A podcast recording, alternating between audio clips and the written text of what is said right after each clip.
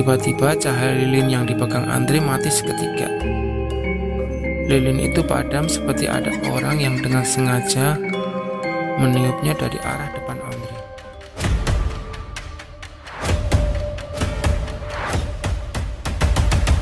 Welcome to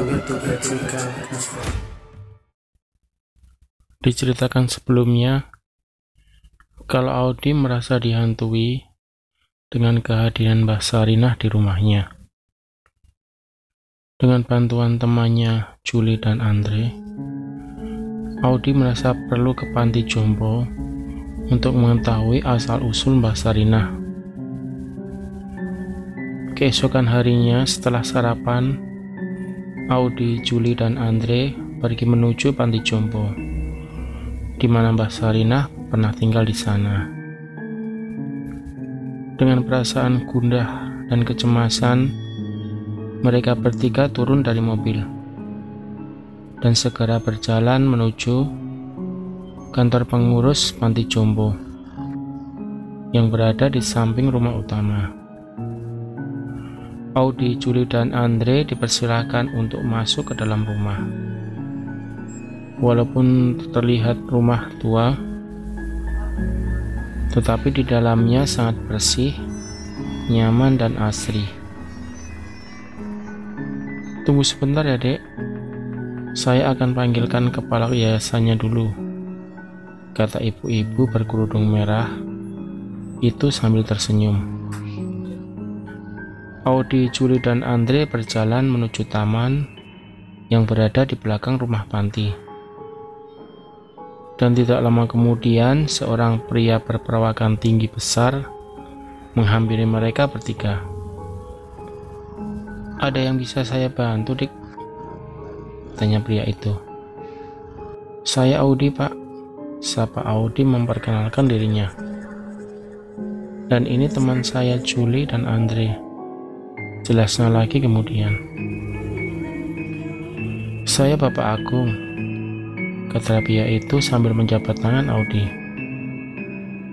Begini Pak Agung, kedatangan saya ke sini untuk menanyakan tentang keberadaan Ibu Sarinah selama ia diurus di pantai ini.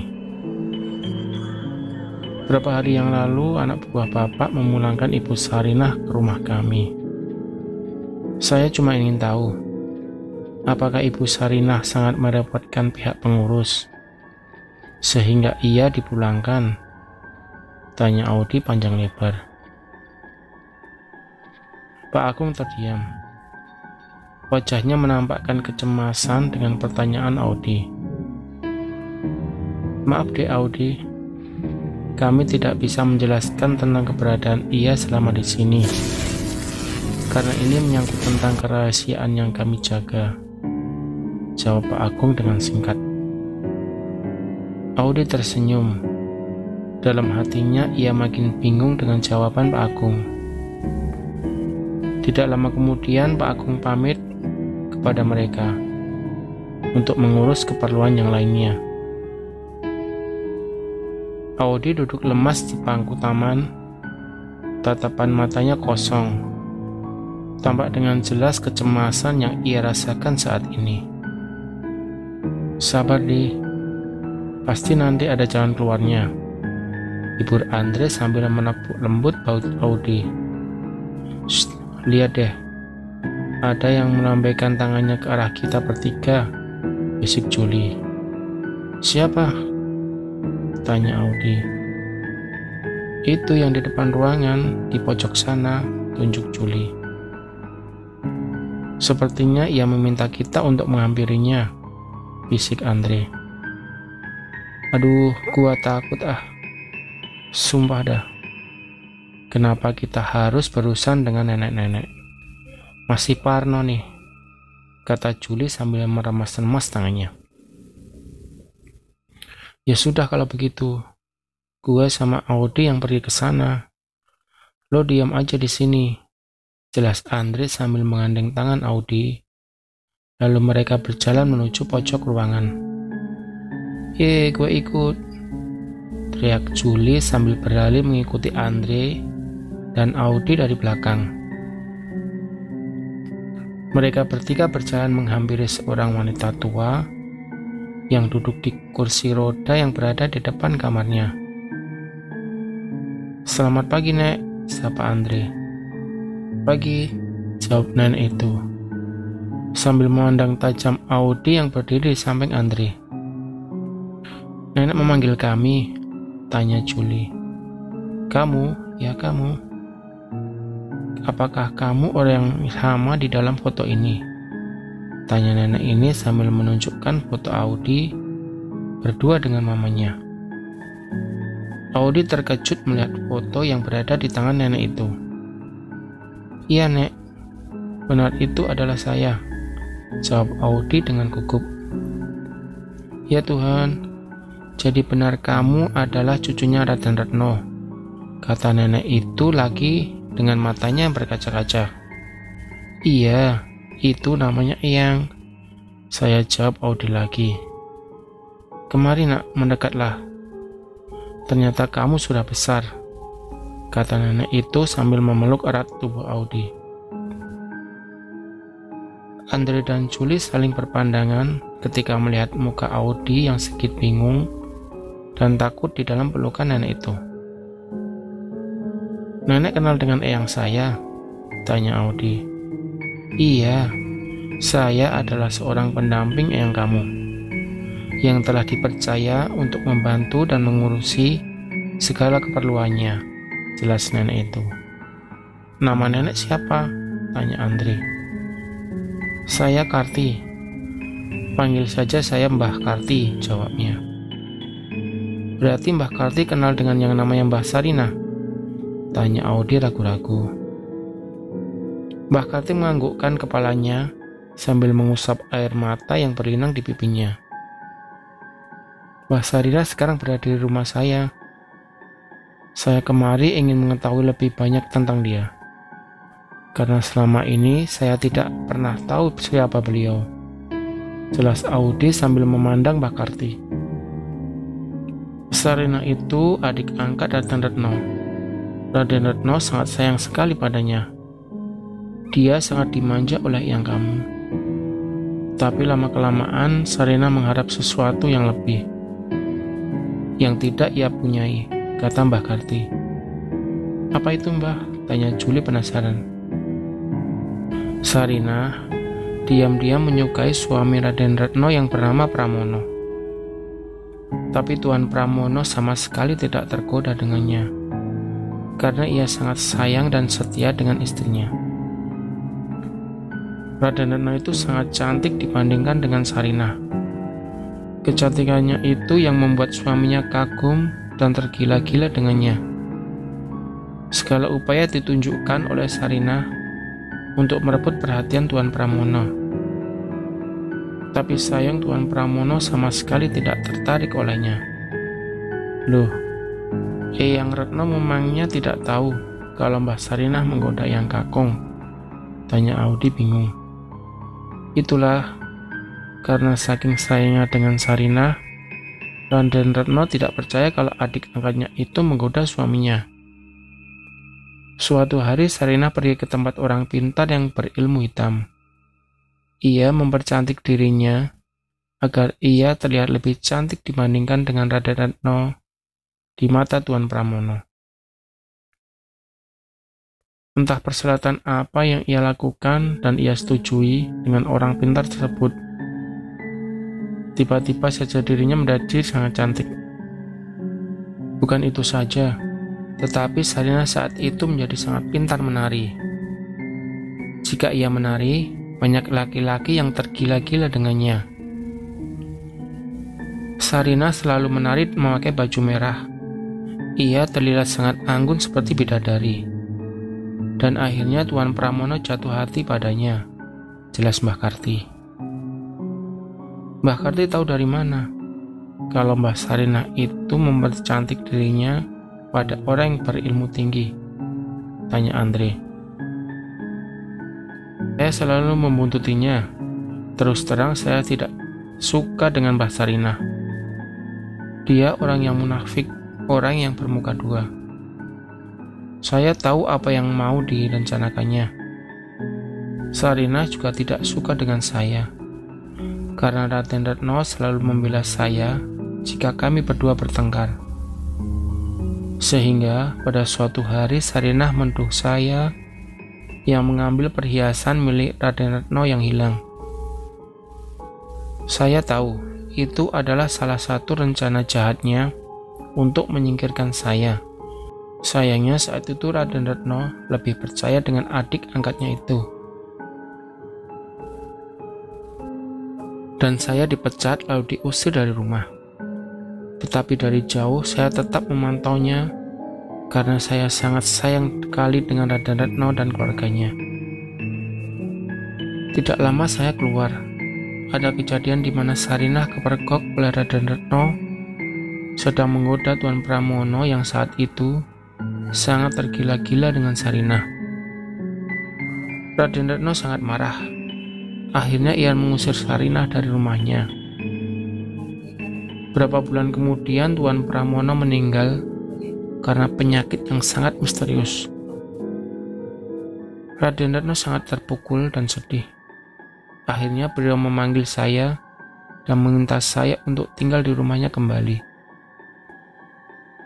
Saya pun menjelaskan pada Raden Retno tentang apa yang diperbuat oleh Sarina selama itu. Raden Reno sangat terkejut dan meminta saya untuk menemukan jalan keluarnya. Karena sejak kepergian Sarinah, banyak kejadian yang aneh di luar nalar yang dialami oleh keluarga Raden Reno. Sampai suatu hari saya bertemu dengan orang yang sangat baik dan berilmu tinggi. Ia bersedia membantu Raden Retno. Ia berkata, kalau Sarinah itu tidak akan bisa mati. Karena ilmu yang ia pelajari itu akan memperpanjang usianya, serta kecantikannya yang kekal. Tetapi tidak untuk tubuhnya, karena tubuhnya sama seperti yang kita akan menua. Jelas Mbah Karti panjang lebar. Odi dan Juli terkejut mendengar cerita Mbah Karti. Odi menarik nafas panjang. Lalu ia menceritakan semua hal yang ia alami sekarang kepada Mbah Karti yang terus memandangnya. Lalu, apa yang harus kita lakukan, Mbah? Tanya Audi dengan mukanya yang memelas. Kamu adalah kunci satu-satunya yang bisa menyelamatkan diri kamu dan keluarga, jawab Mbah Karti. Saya, kata Audi dengan terbata-bata. Iya, karena yang bisa menghalangi Sarinah adalah generasi ketiga dari keluarga Laden Retno, yaitu kamu, jawab Mbah Karti. Mbah Sarinah tahu kalau Mbah Karti juga berada di sini dan tinggal di satu panti dengannya, tanya Juli. Iya, itu adalah rencana saya dan Raden Retno untuk memperhatikan tingkah laku Sarinah. Dan sejak saat itu diam-diam Sarinah selalu berusaha untuk menyerang saya. Akan tetapi akhir-akhir ini tubuhnya makin menua. Ia tidak bisa beraktivitas lagi. Ia hanya bisa berbaring di atas ranjang. Tetapi rohnya masih bisa berjalan-jalan ke tempat lain dan menakutkan banyak orang. Sejak peristiwa itu, Sarina dipulangkan ke rumahnya karena pihak yayasan dan penghuni panti ini sangat tidak nyaman karena sering melihat sosok yang persis dengan Sarinah yang sering muncul di malam hari. Saya sangat terkejut dan keputusan pengurus panti karena ini adalah di luar rencana saya. Sarina akan semakin dekat dengan kamu. Ia akan menjadikan kamu tumbalnya untuk memperkuat tubuhnya agar ia menjadi muda lagi. Jawab Mbah Karti.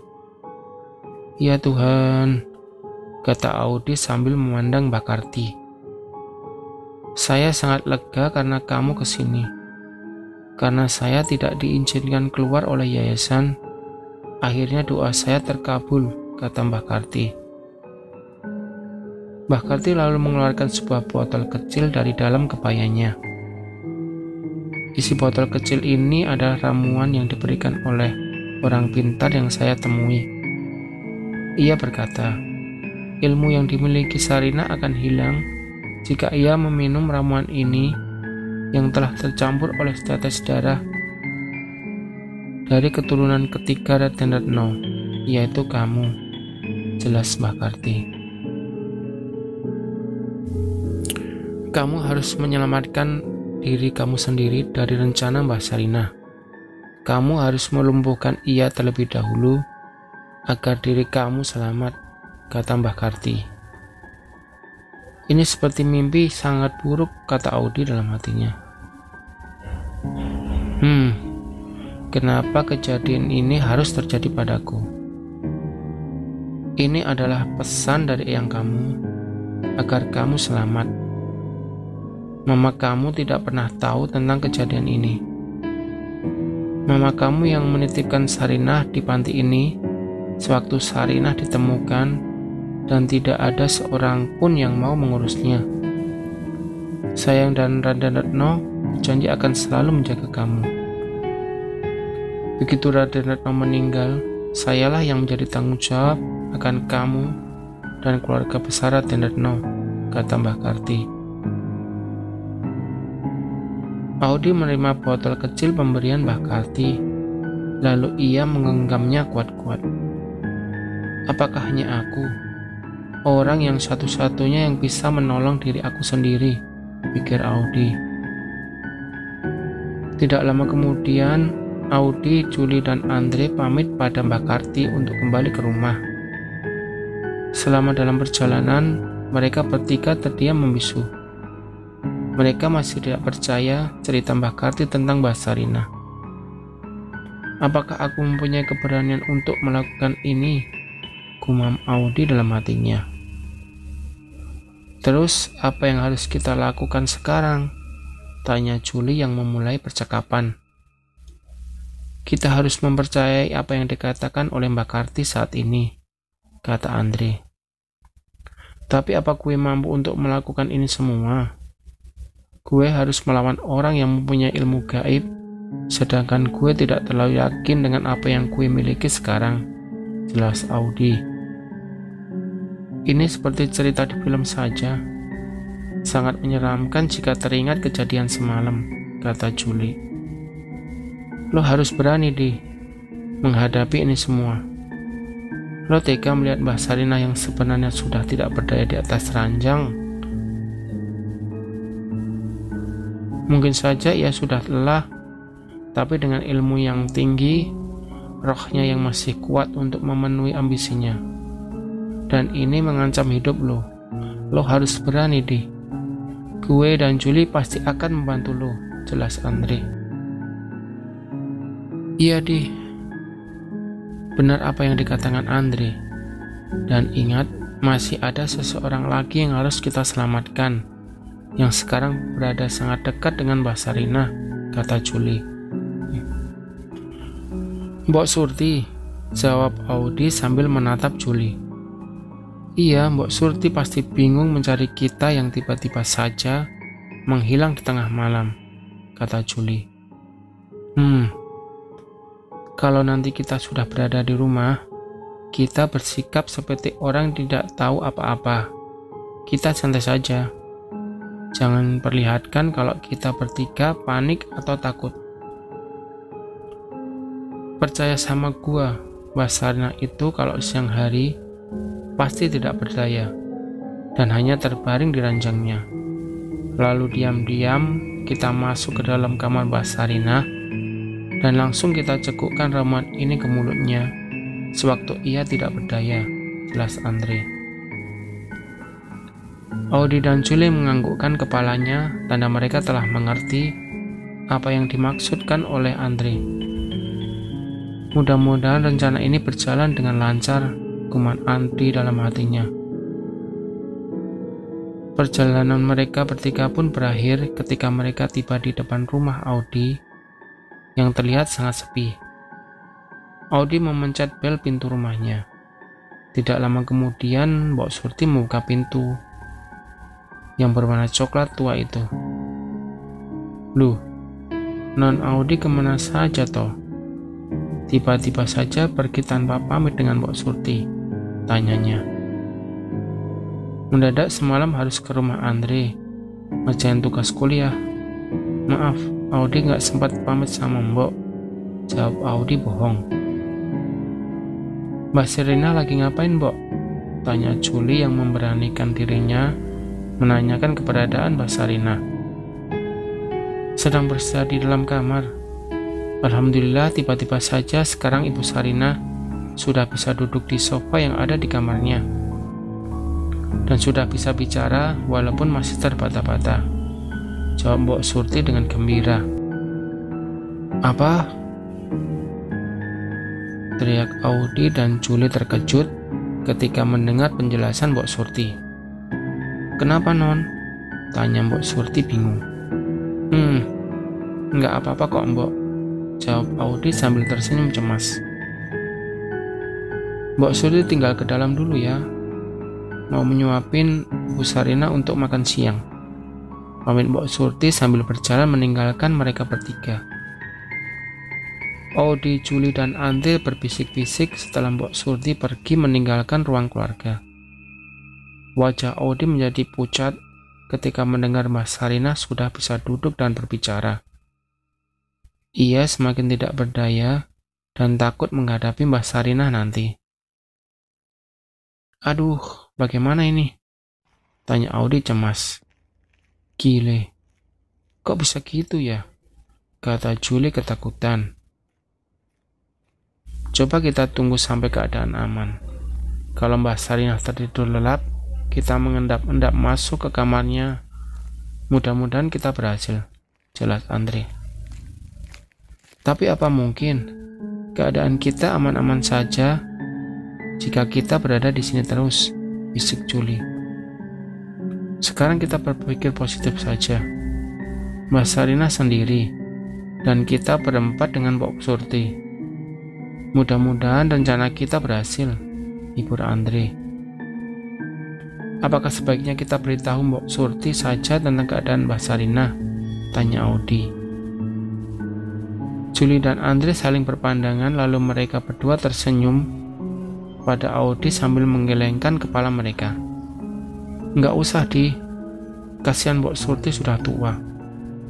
Nanti dia ketakutan atau kepikiran terus tentang masalah ini, jelas Juli. Hari sudah senja, mereka bertiga masih saja terdiam terpaku, menunggu keadaan aman untuk menjalankan rencananya di dalam kamar Audi. Keadaan sekeliling rumah menjadi mencekam sesudah azan isya berkumandang. Lampu yang biasanya terang benderang seorang menjadi redup dan suram. Hening. Tidak ada seorang pun yang terdengar dari luar rumah. Audi memandang botol kecil yang pemberian Mbah Karti. Tubuhnya gemetar, pikirannya melayang jauh entah ke mana. Tampak beban yang sangat berat ia rasakan saat ini. Audi menarik nafas panjang, lalu ia melirikkan matanya ke arah Andre yang sejak tadi memandanginya dari kejauhan. Andre tersenyum pada Audi. Sepertinya ia memberikan semangat yang berarti untuknya. Apakah malam ini aku bisa menyelamatkan diriku ini dan yang lainnya? Lalu bagaimana nantinya kalau sesuatu hal menimpa Andre dan Julie? Mereka berdua tidak ada hubungannya dengan ini semua. Bagaimana jika mereka berdua terluka? Kan aku pikir sedih. Tiba-tiba Julie masuk ke dalam kamar. Dengan mimik mukanya yang terlihat bingung, ia berkata, "Guys, aneh. Kenapa Mbok Surti menyiapkan makan malam banyak banget dan enak-enak? Sepertinya mau pesta saja, kata Juli sambil menggaruk-garukkan kepalanya. Maksud lu apa, Jul? Tanya Audi bingung. Iya, Mbok Surti menyiapkan makan yang banyak buat makan malam. Tadi gua ngintip sewaktu dia membereskan meja makan, jawab Juli. Mungkin karena ada lo dan Andre kali. Jadinya Mbok Surti menyiapkan makan malam yang lebih banyak. Takut kurang soalnya, jawab Audi.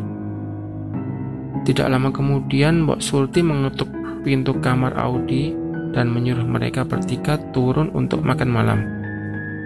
Tiba di ruang makan, Audi, Juli, dan Andre terkejut ketika melihat keberadaan Mbak Sarina yang sudah duduk di sana lebih dulu. Audi langsung buru-buru memasukkan botol kecil yang digenggam ke dalam saku celananya. Mbak Sarina memakai kebayang berwarna merah yang pernah Audi lihat sebelumnya. Tubuhnya yang tampak kurus, tidak berdaya, terlihat segar malam itu. Mbak Serina tidak berkata sepatah kata pun, tetapi matanya seolah-olah mengisyaratkan sesuatu yang sangat misterius. Audi dan Mbak Serina duduk berhadapan. Mereka berdua bertatapan. Aku harus kuat untuk menghadapinya. Apa pun yang terjadi, aku harus mengalahkannya. Dia orang yang sangat jahat, kuman Audi dalam hatinya. Tiba-tiba Mbak Sarina tersenyum. Tiba-tiba Mbak Sarina tersenyum. Tatapan matanya tajam memandang Audi. Seolah-olah ia mengerti dan tahu apa yang sedang Audi pikirkan saat ini. Audi menelan ludahnya, lalu ia mulai mengatur nafasnya. Audi pun tersenyum membalas senyuman Mbak Sarina dengan tatapan matanya yang kosong. Ayo kalian makan, sudah malam nih, ajak Mbok Surti. Mbok Surti melak Mbok Surti segera melayani Mbak Sarina. Dengan sekatan Mbok Surti memberikan makanan kepada Mbak Sarina. Mbok Surti terlihat sangat tunduk dan menghormati Mbak Sarina. Sepertinya ia senang melihat keadaan Mbak Sarina yang berbeda dengan sewaktu pertama kali ia datang ke rumah. Audi, Julie, dan Andre memperhatikan gerak-gerik mereka berdua. Mbak Sarina tampak sangat lahap memakan apa saja yang Mbak Surti berikan. Seperti orang yang kelaparan, Mbak Sarina dengan cepat mengunyah paha ayam yang berada di piringnya. Audi semakin bingung melihatnya. Cara makannya sangat berbeda. Ia begitu ragu seperti orang yang berhari-hari tidak melihat makanan. Aneh. Sepertinya bukan Mbah Sarina yang berada di hadapannya. Aneh. Sepertinya bukan Mbah Sarina yang berada di hadapanku, pikir Audi. Juli memandang Audi, lalu ia menggeleng-gelengkan kepalanya. Hmm, mana ada nenek-nenek cepat amat punya daging. Waduh, ada yang tidak beres nih, kata Juli dalam hatinya. Loh, kok kalian tidak makan? Tekun Mbok Surti. Saya sudah kenyang, Mbok, jawab Juli. Sungguh pemandangan yang aneh malam itu. Selesai makan, Mbak Sarina dipapah Mbok Surti menuju kamarnya. Tinggal Audi, Julie, dan Andre yang berada di ruang makan. Sumpah, gue nggak berselera untuk makan, kata Audi yang bangkit dari kursi. Lalu ia berjalan menaiki anak tangga menuju kamarnya diikuti oleh Julie dan Andre. Sesampai di kamar mereka mendiskusikan apa yang telah mereka lihat tadi. Semakin jelas perbedaan yang ditampilkan oleh Mbak Sarina. Malam pun semakin larut dan dingin menusuk hingga ke tulang. Di dalam kamar mereka bertiga terlihat semakin bingung dan kusar. Malam pun terasa begitu sangat panjang. Klik. Tiba-tiba lampu rumah Audi padam. Gelap gulita menyelimuti semua ruang di dalamnya, hening dan hawa dingin makin terasa. Audi panik, nafasnya sesak seolah-olah ia kehabisan oksigen yang akan dihirupnya. Ya, itu Audi rasakan karena dia takut akan kegelapan. Tolong, gua takut, Bisik Audi sambil mengatur napasnya.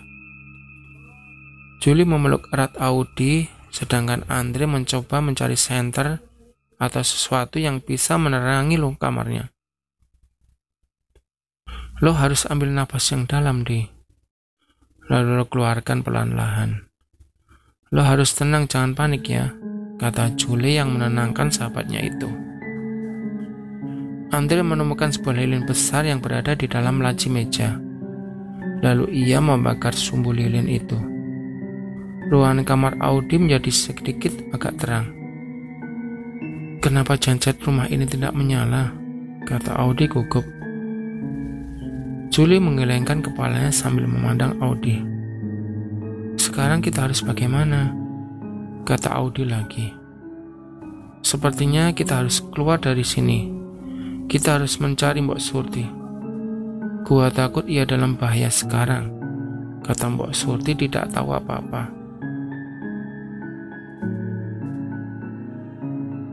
Audi dan Julie menganggukkan kepala. Lalu mereka bertiga keluar dari kamar, menurungi anak tangga yang hanya diterangi oleh cahaya lilin. Sesampai di ruang tengah, kembali terdengar sahup-sahup suara gamelan dari kejauhan. Seperti kemarin malam, tetapi saat ini iramanya terdengar sangat sedih dan memilukan.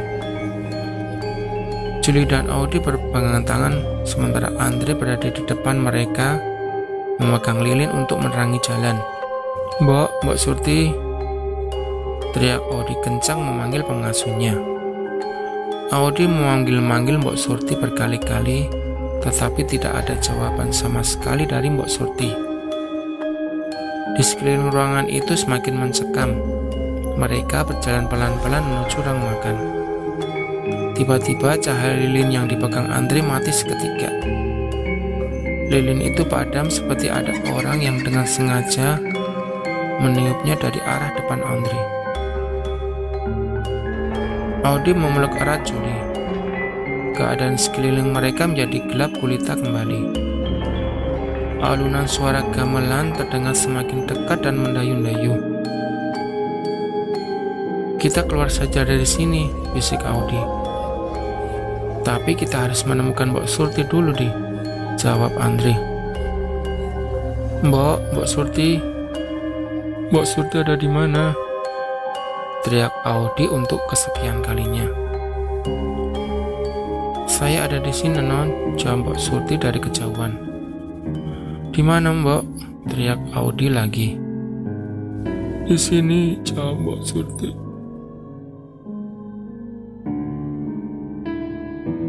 Demikian bagian kedua dari cerita Sarinah. Jangan lupa subscribe dan like untuk RCK Misteri agar kita semangat untuk upload cerita misterinya setiap hari.